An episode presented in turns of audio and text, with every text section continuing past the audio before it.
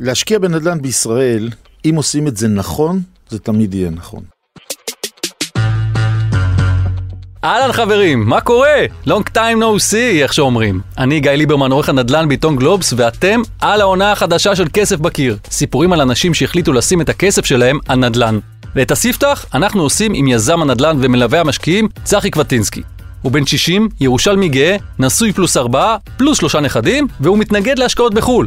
למה הוא חושב שהכי כדאי להשקיע בארץ, ואילו טיפים הוא רוצה לחלק למשקיעים הצעירים? כסף בקיר, עונה שנייה. בואו נתחיל. ממש לפני 30 שנה, בשנת uh, 90, התחלתי לנהל בתוך המשפחה נדל"ן משפחתי עם כל מיני הפקעות שהיו לנו. סבא שלי היה גואל אדמות והשאיר לעצמו קצת כמה קרקעות.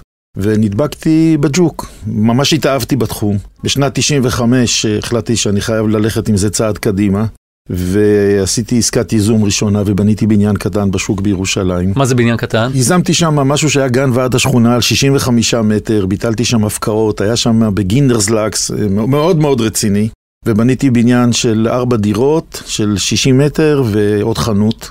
ומשם כבר התאהבתי בזה, ואז התחלתי ובניתי בפרדס חנה כמה קוטג'ים, ואז ייזמתי פרויקט, ובניתי במבשרת פרויקט מאוד יפה, ואז בניתי גם בניין אה, משפחתי שאני גם גר בו, והמחלה לא עוזבת. מה, ו... הולך לישון עם נדל"ן, קם, חושב על רעיונות? זה מה שאני אוהב, אני עשיתי טעות לכמה שנים, לא יודע אם זה נכון לספר פה במקום, פתחתי בית ספר לקוסמטיקה שעלה לי ביוקר אחרי שלוש שנים, אבל מיד חזרתי לנדל"ן, אני מאז מלמד ובונה לאנשים מה שנקרא פנסיה תוצרת בית, אני מלמד את האנשים איך לחשוב נדל"ן נכון. צחי מדבר בעצם על הכנסה פסיבית.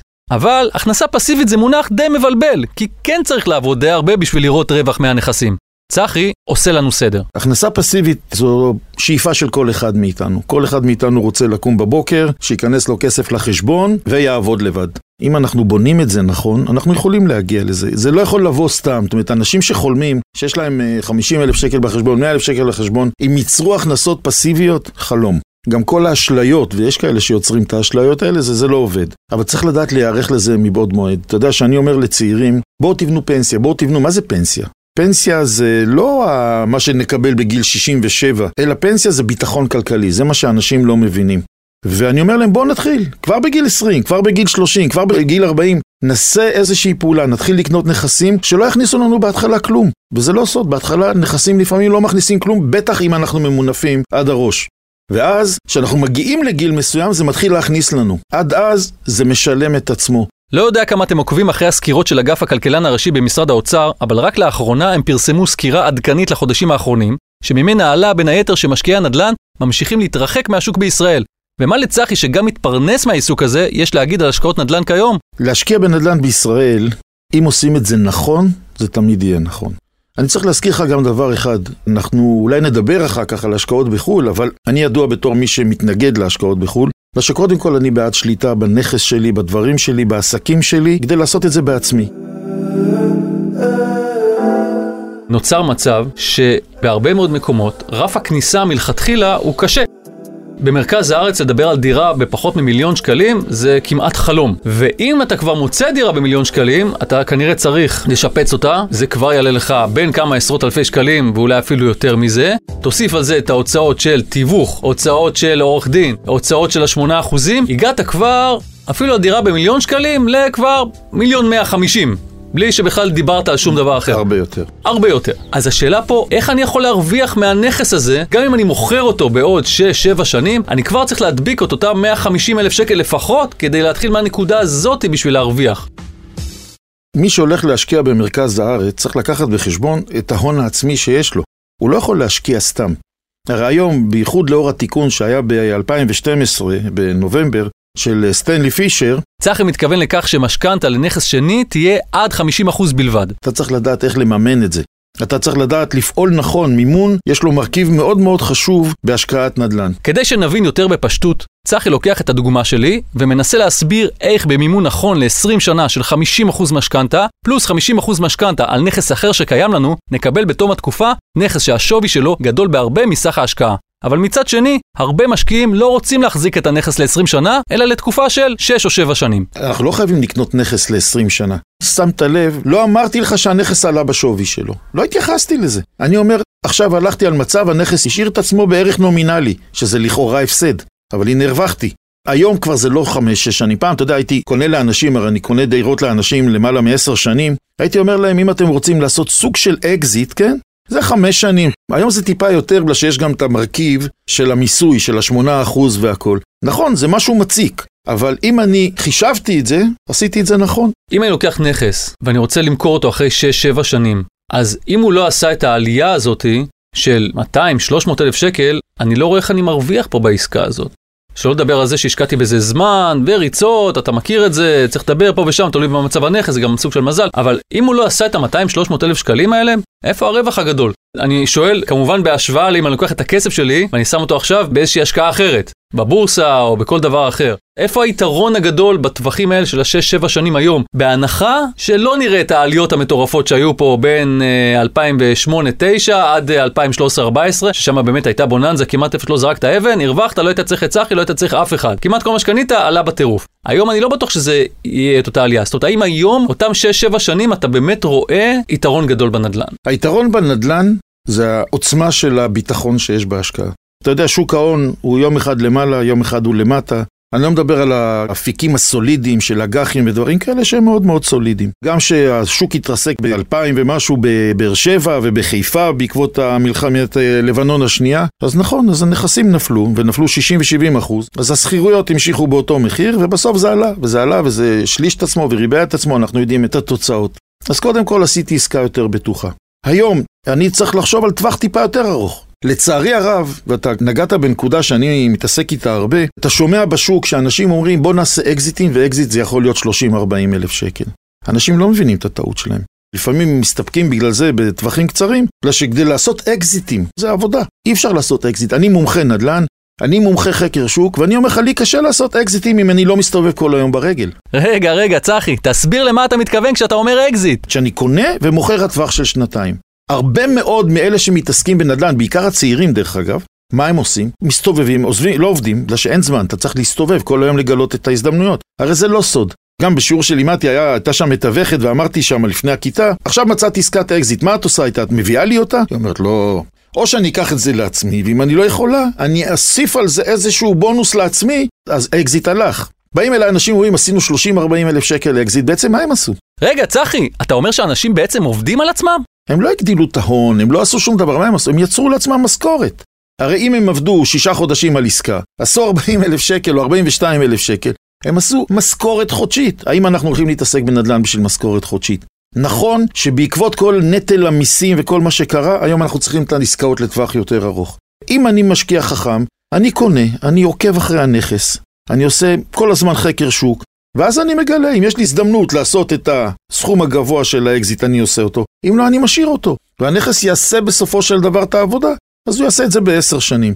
ובסופו של יום, הנכסים עושים עלייה יפה, וזה גם אה, לעומת הנכסים בחו"ל, כן? בגלל שיש כאן רק דבר אחד בארץ. בייחוד לאור מה שהתנהל בשנים האחרונות, כל הדיור למשתכן, עיכב נדל"ן ויש מחסור אדיר בדירות, אז תמיד הנכסים פה יעלו בארץ, אין מנוס. איך זה שהיום כמעט כל עסקה אני פוגש מתווך? אם אני לא טועה, לפני עשר שנים זה לא היה ככה. איך זה קרה שהם פשוט השתלטו על השוק, אם אני צודק בהנחה שלי? צודק מאוד. פשוט היום כמות המתווכים היא אדירה. היום זה מקצוע, בייחוד עכשיו שהולכים לשנות את החקיקה, שבכלל לא צריך אפילו רישיון, אבל היום שזה מקצוע שמספיק שלמדת ארבע שנים בבית ספר, אתה יכול להיות מתווך אם אתה יודע לקרוא ולכתוב ואתה זוכר את החוקים. אז היום מתווכים, אתה יודע, אני משקיע הרבה בעיר העתיקה בבאר שבע, יש רחובות שלמים שכל דלת זה מתווך. והם עושים עבודה. אז היום כמעט כל נכס טוב יהיה אצל מתווך. אני מסביר את זה לאנשים, אנשים אומרים לי, אתה מלווה אותנו. למה אתה צריך מתווך? אני אומר, אין ברירה, הנכסים הטובים, הם מוציאים אותם. הם עושים את חקר השוק, הנכון. האם באמת אפשר למצוא אה, הזדמנויות, ואם כן, איך עושים את זה? פעם אה, דיברו שכדי להגיע להזדמנות בנדל"ן זה למצוא זוג שמתגרש, זה למצוא כונס נכסים, זה ללכת ולמצוא נכס נטוש. ההזדמנויות האלה עדיין נכונות, רק לא מדויק. למה? בגלל שהיום זוג שמתגרש כבר לא פראיירים, כבר יש להם עורך דין ששומר עליהם, זוג שמתגרש, אתה ראית בדירה שתלשו דברים, וראית את הפרצוף של האישה שברור לך שזה לא נגמר יפה, אבל כשניסינו להוריד במחיר, לא הצלחנו.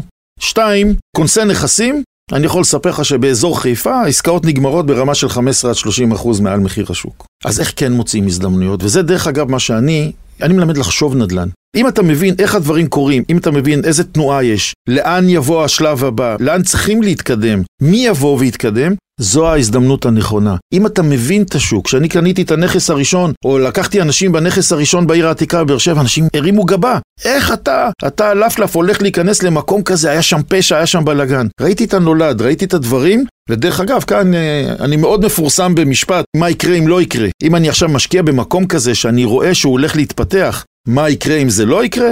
אז אני קונה את זה תמיד במצב שבמקסימום יהיה לי שם 3 אחוז, 2.5 אחוז, 4 אחוז, משהו בסיסי, שאז לא נפגעתי. אבל אם הצלחתי, הצלחתי. אז החוכמה זה להבין איך שוק הנדל"ן עובד וללכת למקומות הבאים. בשלב הזה רציתי לאתגר את צחי ולשאול אותו האם בכל שלב בחיים הוא ממליץ לקנות נדל"ן להשקעה. אני רוצה לחזור שנייה לתרחיש הקודם, כי אני חושב שהוא קצת תוקע משקיעים היום. ואני חוזר לעניין של ה-8%, אתה היום בעל נכס, יחסית אה, אתה עוד באמצע החיים, שיפור הדירה עוד לפניך. ואתה היום אומר, אני לא רוצה להשקיע בבית השקעות, לא רוצה מניות, אני רוצה לקנות לי נכס להשקעה. מצאתי, איתרתי נכס להשקעה, הלכתי לחיפה, הסתכלתי, אמרתי, מה צחי היה עושה? את זה הוא היה קונה, פה הולך להתפתח, קניתי. עברו 3-4 שנים, הילדים קצת גדלו, ואני רוצה לשפר את הדירה שלי. ואז פתאום אני מגלה שאת הדירה שאני רוצה לקנות, שהיא דירה הרבה יותר יקרה, כי זו דירה בשבילי, פתאום צריך לשלם עליה 8%. זאת אומרת, הדירה להשקעה, שעליה גם שילמתי 8%, היא למעשה תקעה אותי בדירת המגורים שלי. האם נכון היום במצב הזה, אנשים שנמצאים במקום הזה לפני השיפור דיור, שהם יודעים שהולכים לשפר דיור עוד 5 שנים, האם נכון להם בכלל להיכנס להרפתקה הזאת? שאלה מצוינת. השאלה תמיד, שאני מתחיל אה, שיחת ייעוץ, ואני עושה הרבה מאוד ייעוצים עם זוגות ועם משפחות, ואנחנו באים לכיוון של דירה להשקעה, השאלה הראשונה שלי ואני עומד וחוזר עליה וחוזר עליה, האם יש לנו תוכניות לשיפור דיור. למשל, היה לי לקוח שעשה קנייה, בא אליי לייעוץ אחרי שיצא לפנסיה מגוף צבאי, ששאלתי אותו, יש לך רצון לעשות את זה? אמר לי, לא, אני גר בדירת חלומותיי. קנינו לו דירה ב-510 או 520 אלף שקל, משופצת, השכרנו אותה, אפילו התאהב כבר בדירה, הייתה דירה, גם קנינו את זה מזוג מאוד נחמד, זאת אומרת, היה, היה מושלם. בכמה היא הושכרה? הושכרה ב-2500, זו הייתה דירה פנומנלית, זו הייתה באמת, הגיע לבחור הזה, בחור מיוחד. ואז פתאום הוא הודיע לי שהוא קיבל הצעה מאוד מאוד טובה על המכירה של הבית שלו שקפץ, ופתאום נוצרה לו הזדמנות לקנות דירה אחרת במקום אחר, ופתאום הייתה לו בעיה. ברגע שיש לו שני נכסים, יש לו מס על הדירה שלו במכירה, ופעם שנייה, אם הוא יקנה את הדירה ונגיד היא 4 מיליון, סכום לא נורמלי בשביל לקנות בית לגור. ונאלצנו למכור את הדירה. תקלות כאלה קורות. את הדירה להשקעה? את הדירה להשקעה. מכרתי לו את זה, הצלחתי לעשות לו, לעזור לו למכור את זה, בלי הפסד, אבל אני לוקח צעד אחורה לכללי. אני לא אתחיל לקנות דירה לאנשים, אם אני לא אתעסק איתם קודם בדירת מגורים שלהם. ולא פעם ולא פעמיים אנשים באו אליי, בואו נתחיל לקנות דירה להשקעה ואני עוצר אותם. אם אתם עוד לא החלטתם איפה אתם גרים, אם זה הבית הסופי שלכם, תחכו, אחרת אתם עושים לעצמכם איזשהו פאנצ'ר. אז הנה כבר לקח חשוב שאפשר לקחת מהשיחה. יש זמנים בחיים שבהם רכישת נכס להשקעה זה לא הדבר הכי נכון, וכדאי לחשוב כמה פעמים לפני שנכנסים לתהליך שהוא לא כזה פשוט. בואו ננסה ללמוד עוד משהו מהניסיון של צחי ונצא לכמה שאלות זריזות על אזורי השקעה שונים בארץ נכון להיום. 3, 2, 1, גו! היום, השקעה, באר שבע, עדיין שווה? תלוי מה, לא, לא במיוחד, דירות להשקעה קטנות לא, יש עודף היצע של אה, נכסים שם, קשה לי להגיד את זה בגלל שאני הולך ליזום בבאר שבע, בעיר העתיקה, אבל זה משהו אחר. חיפה? בזהירות רבה, חיפה יש כבר מקומות שהם פחות טובים, יש מקומות שהם עדיין, יש מקום להתפתחות, שיש שם התפתחות עירונית, שהולכת להיות התחדשות עירונית, הרבה יותר קשה לי מלפני שמונה שנים, אבל אפשר למצוא. חריש? גרוע מאוד, אלא אם כן אתה שחקן לטווחים של עשר שנים. חריש הביאו אנשים לשם בגלל שאמרו להם כביש 6, אבל אתה יודע שאני, גם אתמול, שנסעתי לחיפה ואני נוסע בכביש 6, אני רואה את הפקקים אה, דרומה. אנשים לא מבינים שאין מקום תעסוקה בחריש. נכון שיושבת על כביש 6, חסר לה רכבת. אם יהיה רכבת לחריש זה ישנה את התמונה לחלוטין. זה לא מקום שתכננו אותו כמו שצריך, כמו לדוגמה מודיעין. דרום תל אביב? דרום תל אביב זה למשקיעים אה, מתקדמים. עדיין כדאי, אני מתעסק הרבה בתקווה, מאוד מרתק. לא קל להשקיע בתקווה, התקווה היא במושה, זה ברישום אה, לא מסודר. כל אזור דרום תל אביב, כיוון חולון, על הגבול, מתפתח מאוד יפה. לעשות את זה בחוכמה ולא להתפתות לכל דבר. קבוצות רכישה? נגד. למה? קבוצות רכישה א', אה, לדעתי הולך ומסתיים הזמן שלהם. קבוצות רכישה זה רק לעשות את זה עם מקצוענים שבמקצוענים. שלא ניפול עוד פעם כמו שכל מיני מקרים שהיו ולא נזכיר פה שמות. איפה שיש בניין שלם, שכולו משקיעים בדרך כלל, וקבוצות רכישה זה המון משקיעים, שנגמר הבניין, קשה לנו גם למכור, בגלל שזו תחרות מאוד גדולה, וקשה לנו גם להשכיר. עכשיו, זה לא משהו גורף. צריך, כשאתה הולך לקבוצת רכישה, שני דברים אתה צריך לבדוק מאוד מדויק. קודם כל, לא להקשיב רק למה שהיזמים של קבוצת הרכישה מספרים לך על הנכס, ללכת לעשות חקר שוק, ללכת לבדוק שכל מה שהם אומרים באותה סביבה יהיה. שתיים, לקחת יזמים שבדקנו שיודעים לגמור את קבוצות הרכישה. אנחנו הולכים לשם בכל הכסף שלנו. אני יכול לספר לך על חבר, אפילו חבר מאוד קרוב, שנאלץ להוסיף בערך 20% על הכסף. בגלל טעויות תכנון. צחי לא מתלהב מקבוצות רכישה, אבל מה עם השקעה בנכסים שיש לגביהם צפי שיעברו התחדשות עירונית? היום בגלל הטרנד הזה של התמ"א, של הכל, של פינוי-בינוי, היום הרבה מאוד אנשים מחפשים את הדירה במקום שהולך להיות בתמ"א. אנחנו יודעים שזה באזור של יפו אה, קרה הרבה. אני פוגש את זה אבל גם בשטח. אז קודם כל פינוי-בינוי וכל התהליכים האלה זה תהליכים ארוכי טווח. אז אם אתה קונה, תיקח בחשבון שאם זה לא בפועל, אז uh, זה ייקח עוד זמן. שתיים, כן, אנשים מחפשים את זה בגלל שהם רואים בזה חלק מהחלום, הרי אתה יודע, אנשים מחפשים את הקפיצות שאתה דיברת עליהן קודם, שמחפשים לעשות את ההישג לטווח קצר יותר. והחלום הוא שבאמת אני אקנה דירה, והיא תעשה לי את ה-upside הזה בנושא של הדירה הגדולה והיפה שאני אקבל. יודעים מה? אם אני כבר בשוונג של שאלות על צורות השקעה שונות, אז בואו נדבר בקצרה על השקעה במשרדים, מהעיניים של צחי כמובן. באים אליי כל מיני אנשים, ואנחנו יכולים לקנות ב-300 אלף שקל משרד, 14 מטר, 15, ואני אומר להם, רגע, אתם היום מדווחים למס הכנסה? אתם לא מדווחים למס הכנסה, אתם מוציאים חשבונית, הרי משרד זה חשבונית. אתם יודעים שאתם הולכים להתנהלות כזאת? אתם יודעים שאתם הולכים למיסוי אחר? אנשים לא מודעים למיסים. אנשים לא מודעים לזה שפתאום יש להם הוצאה, שזה לא העשרה אחוז שאנחנו משלמים במגורים, או פטור עד 5,100 בערך, זה אנחנו משלמים, מהגרוש הראשון אנחנו משלמים על זה מיסים. מעבר לזה אנחנו צריכים לדווח על זה לרשויות, בגלל שזה הכנסה מעסק. שווה לעצמאי לרכוש משרד קטן. היום אנשים שרוצים משרד קטן כבר לא שוכרים משרד של 14 מטר, בגלל שזה לא נוח. היום כבר נכנסים לכל המתחמי תעסוקה האלה, ווי וורקים וכל מיני ריג'סים וכל הדברים האלה. אתה לוקח משרד קטן, ופתאום בשני הצדדים שלך, סתם דוגמה, יעשו שני משרדים גדולים וישאירו אותך באמצע, מה תעשה? אתה תצטרך לשלם על ה-14 מטר האלה ארנונה שפשוט תשחט אותך. אז זה יכול להיות השקעה מצוינת, יש לזה תשואות יותר טובות ממגורים, אין ספק. עוד פעם, לראות מה קונים, להבין, לא להתפתות לכל דבר. יש מקומות שאנשים בנים בניינים, ואני אומר לך שחלק מהיזמים לא עשו חקר שוק לבדוק אם באמת יבואו לשם. צריך שיהיה סיבה להקים משרד. אם נזקק את הסיפור לאיזשהו לקח, אז ההשקעה במשרדים יותר מסובכת מהשקעה בדירה רגילה. בוודאי. גם אם הוא לא עוסק, צריכים, הוא צריך לדאוג שהסוחר שלו יוציא חשבונית עצמית. יש לזה פתרונות, אבל הוא צריך לדווח את זה, הוא צריך לשלם מיסים, וזה לא המס שאתה אה, מדווח אותו ב-31 לינואר וגמרת עם זה, שזה על המגורים. צריך לקחת בחשבון שהוא נכנס לאיזושהי הרפתקה, ושיש לה גם מיסוי מהשקל הראשון. אז למי זה יותר נוח? זה נוח לאנשים שיש להם גם ככה איזשהו עסק, אה, שהם מפעילים איזשהו עסק? בוודאי. זה נכון להשקיע במסחרי, זה מצוין. גם עכשיו אני, אני בעיר העתיקה בבאר שבע הולך גם על חלק של מסחרי. הרי בעיר העתיקה באר שבע כל הקומות הראשונות הולכות להיות מסעדות, הרי זה הופך להיות אזור בילוי, אזור של פנאי, זה מה שראש העיר מכוון את זה. אבל עוד פעם, צריך להתאים את זה, צריך לעשות את זה, ו... ואנשי עסקים זה מתאים להם מאוד. כמו שאמרנו בתחילת הפרק, צחי לא מתלהב מהשקעות בחו"ל, שלא נאמר מתנגד. אבל לעומת כמה מרואיינים בעונה הקודמת, הוא חושב שאין כמו בארץ, ויש לו לא מעט סיבות. סיכמנו שאני לא ילד, עברתי משהו בחיים. אני אוהב בדברים שלי לדעת ולגעת. אני אוהב שזה יהיה בשליטה שלי, אם אני רוצה למכור היום אני מוכר, אם אני רוצה להשכיר אני משכיר, מה שאני רוצה אני עושה, אני לא תלוי באף אחד. גם אנשים שאני קונה להם נכסים פה בארץ, יום אחרי שסיימתי את התפקיד שלי והנכס מושכר, הם יכולים להמשיך לבד. זה השפה שלהם, זה הקול שלהם. קח אותי, שאני חושב שאני מומחה בתחומי, אם אני רוצה היום להשקיע בחו"ל, לא משנה איפה, אני תלוי כל הזמן באנשים ואני תלוי בעיקר במה שהם אומרים לי. אני גם תלוי בהם בכל עשייה, אני רוצה למכור, אני רוצה להשכיר, הם לא הזכירו, כן הזכירו. עוד פעם, יש אנשים טובים מאוד שיכולים לעשות את זה בשבילך. אנחנו צריכים גם להבין איפה אנחנו עושים. אנחנו צריכים להבין איפה יש חוקי הגנת דייר, ואיפה יש כל מיני תקלות אחרות. אנחנו צריכים להבין שאנחנו לא יכולים לעשות שום דבר בלי שמישהו מלווה אותנו. בכל זאת, למה אני מסייג את עצמי?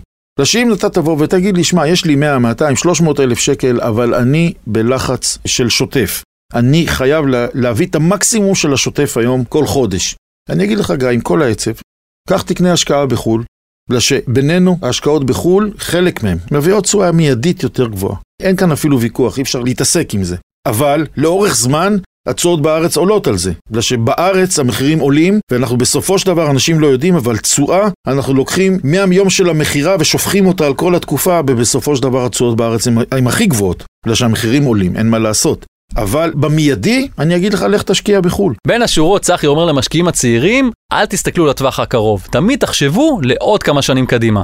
אבל יותר מכל, הוא מוטרד מהשימוש התכוף של המשקיעים דווקא באינטרנט. אני אומר שהאינטרנט זה האויב של משקיע הנדל"ן. כולם באינטרנט פה. וגם הפודקאסט הזה יהיה באינטרנט, אבל נדל"ן אתה צריך לעמוד בתוך הנכס. נדל"ן אתה צריך לעמוד שם ולהבין ולראות, אי אפשר לקנות באינטרנט, גם אם בארצות הברית למשל, כמות המידעים היא בלתי נדלית. ואם אתה לא עומד בתוך הנכס, ואם אתה לא הולך מסביבו, וכל המידעים לא יהיו נכונים, אז כל הפתרונות של inspection וכל מיני פטנטים שיש בארצות הברית, זה בסדר, זה אולי שומר עליי כמו בדק בית לרמה של הבניין, אבל זה לא שומר עליי מפני מה שיהיה מסביב. אז פה בישראל, כל נכס שקנית, היית בנכס? אני נאה דורש נאה מקיים. אני יכול, ותעיד אשתי, אין שעה שלא הייתי בה באזורים שאני משקיע בהם. בגלל שאתה יודע, לכל דבר יש השפעה. לפעמים אתה נראה אזור במשך היום אה, מדהים, ובלילה יש שם עבריינים שעושים תחרויות אה, מכוניות, או שיש כל מיני אנשים שצועקים, או שיש מכונות שעובדות, או מאפיות שפתאום אה, עופות לחם. רגע לפני שנפרדנו, צחי ביקש להעביר עוד מסר קטן לאומה. וכמו ירושלמי טוב, הוא מתחיל באנקדוטה. לפני עשר שנים הייתי בטורקיה, ובשדה תעופה באיסטנבול פגשתי קבוצה של ישראלים שחזרה מהקזינו, וכולם ניקו את הקזינו. אבל לדעתי באותו שבוע בעל הקזינו קנה רולס רויס חדש, ולא כולם ניקו את הקזינו. אבל אם הייתי מאמין להם, הייתי הולך גם לקזינו. אני אומר, תעשו, ממש צריך לעשות, נדל"ן זה דבר טוב לעשות, אבל קודם מעשה במחשבה תחילה. קחו יועצים, קחו אנשים, תלוו את עצמכם באנשים נכונים, גם אם זה עולה עוד כמה שקלים, זה שווה. אני עצמי, כשאני קונה לעצמי, אני שם לידי איזה מישהו, בגלל שאני אמוציונלי, אני, הנדל"ן אצלי, חוץ ממשפחה, זה אהבה מאוד גדולה. אז אני, אני מתרגש ואני לוקח לידי מישהו שיסתכל ויהיה חיצוני, לא אשתי, בגלל שאשתי מתרגשת יחד איתי, אלא אני לוקח מישהו חיצוני שיסתכל עליי מהצד, יגיד לי בסדר, זה לא בושה. ולעשות נכון, אבל לעשות.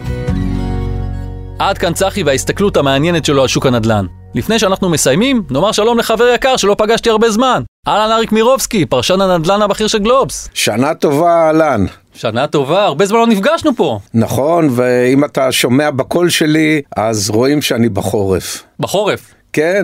למה? צרוד, משתעל, מנוזל, כל פעם שאני רוצה לקחת חיסון, קורה לי משהו אחר. אה, לא בגלל שנגמרו החיסונים. טוב, יאללה, קשקשנו מספיק.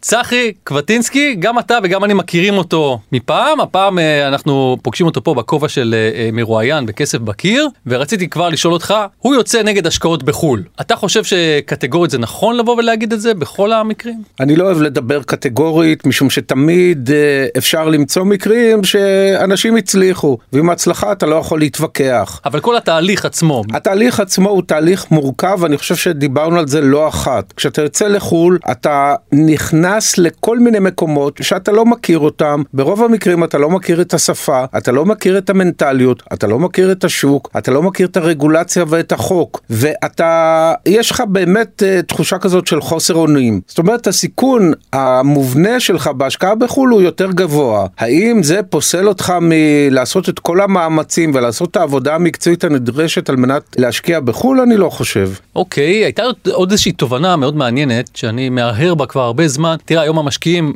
די מדירים את רגליהם מישראל, בגלל הנושא של המס הגבוה, אבל יותר מזה, מי שמסתכל יותר לעומק, ועל זה דיברתי איתו, הוא רואה שאם אתה עכשיו מחליט להשקיע בדירה, ואחרי כמה שנים אתה רוצה בעצם לשפר את הדירה שלך, אתה צריך לשלם הרבה מאוד כסף על דירת המגורים שלך. ומשם יצאנו לאיזושהי מסקנה שהשקעת נדל"ן היא לאו דווקא נכונה בכל שלב בחיים. אתה מכיר את הנושא הזה? כן, ברגע שיש לך שתי דירות ואתה מתמרן עם אחת מהן, זאת אומרת מוכר ומנסה לי, אה, לקנות אחת, אתה אוטומטית מקוטלג כמשקיע, ויש פה באמת בעיה עם מס רכישה מאוד גבוה. אז אדם שהוא משקיע צריך לקחת את הנושא הזה בחשבון, ויכול מאוד להיות שאם הוא רואה בעתיד הנראה לעין אפשרות שהוא יחליף את הדירה שלו, דירת המגורים שלו, אולי אה, לא כדאי. כי זה הרבה פעמים גם הדירה, אנחנו משפרים לדירה יקרה יותר. ואז אנחנו מדברים על טווחים של 200, 2 אה, מיליון, 2.5 מיליון, אז לקחת מזה 8 אחוזים, אנחנו כבר מדברים על למעלה מ-200 אלף שקל שאני נותן ככה למדינה, ככה בכיף. נכון, אני ממליץ אה, במקרים האלה להתייעץ טוב טוב עם עורך דין. אה, לשמוע אם יש אפשרות באמת להגדיר מהי דירת מגורים, מהי דירה להשקעה, אה, בצורה כזאת שרשות המיסים תראה שאתה משפר את דירתך שלך ולא קונה דירה נוספת להשקעה. עוד דבר שרציתי לשאול אותך, דיברנו פה על נושא של הטווח של הזמן שאני יכול להחזיק את הדירה להשקעה. הרבה מאוד משקיעים, אני חושב שגם אתה אמרת באחד הפרקים הקודמים, שרוב המשקיעים קונים דירה להשקעה לטווח של 6 עד 7 שנים ואז מוכרים אותה. ובגלל שהמחירים היום גבוהים יותר, מה שצחי אומר זה שהיום מחזיקים את הדירה קצת יותר זמן, זאת אומרת אפילו עד לטווחים של 10 שנים. אתה חושב שבמקרה הזה זה עדיין כדאי, כי אנחנו הרי תמיד משווים את זה למסלול אחר, יכלתי באותו זמן להשקיע בשוק ההון, אגב 2019 הייתה שנה מדהימה במקרה הזה, לא כל כך מקרה מייצג, אבל עדיין מי שהתעורר ב-2019 פתאום גילה שהכסף שלו עשה עלייה משמעותית במקום הזה, או כל דבר אחר. האם לעשר שנים זה כבר עדיין נחשב מסלול שהוא כדאי לי? כדאי או לא זה באמת לא מעט שיקול דעת והמון המון הימור ומזל.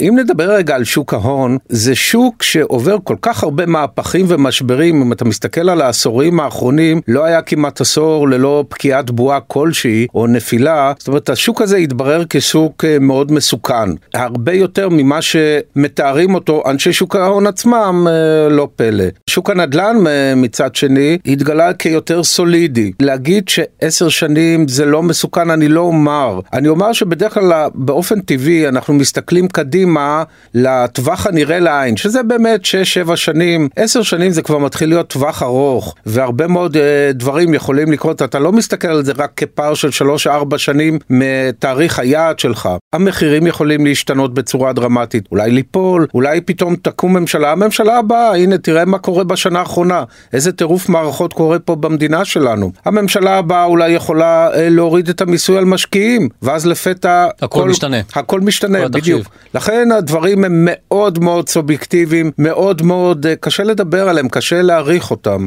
עוד משהו קטן שעלה בשיחה איתו, זה סוג חדש של השקעות, אני לא יודע כמה הוא חדש, אבל אנחנו לפחות לא נתקלנו במשקיע כזה. אם מישהו שומע אותי ורוצה להיות הראשון שיתראיין אצלנו בנושא אני אשמח, וזה נושא של השקעה שממוקדת בנכסים של התחדשות עירונית, או כאלה יותר נכון שיש בהם פוטנציאל התחדשות עירונית. ופה לא צריך להיות איזה גאון גדול, אבל אולי איזה מילה על הנושא הזה, כי זה משהו שהוא מאוד מאוד באוויר. זה עבודה יפהפייה לדעתי, זה השקעה יפהפייה, אבל דורשת סופר מקצוענות. זאת אומרת אין פה הימור, או מידת ההימור היא קטנה.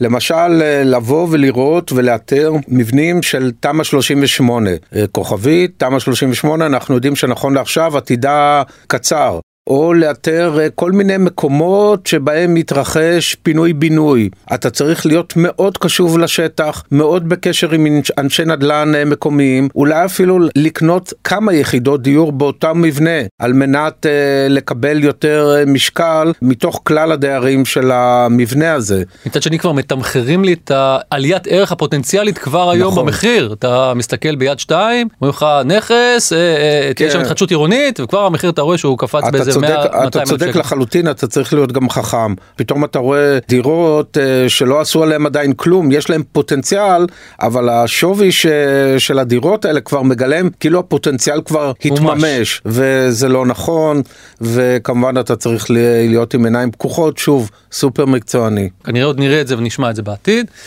אריק, יאללה, אנחנו מתחילים עונה, מתחילים לרוץ. יאללה. עד כאן הפרק הראשון בעונה החדשה של כסף בקיר. אם אהבתם את מה ששמעתם, אתן מוזמנות ומוזמנים לעקוב אחרינו באתר גלובס ובאפליקציית הפודקאסטים האהובה עליכם, בלחיצה על כפתור ה follow או ה subscribe. אפשר גם בספוטיפיי. וגם נשמח שתדרגו אותנו גבוה באפל פודקאסט, זה חשוב מאוד. אם אתם בעצמכם משקיעים בנדל"ן ורוצים לספר לנו על ההשקעה שלכם, שלחו מייל לכתובת כסף.בקיר שטרודל גלובס.co.il באותיות באנגלית כמובן. תודה לעורך הפודקאסטים רון טוביה, לניב בן אלי על הסאונד ולבלה פישר על ההפקה. יאללה, אני זז לירושלים כדי לקנות מצחי 200 נכסים. או שלא. אני גיא ליברמן. ביי!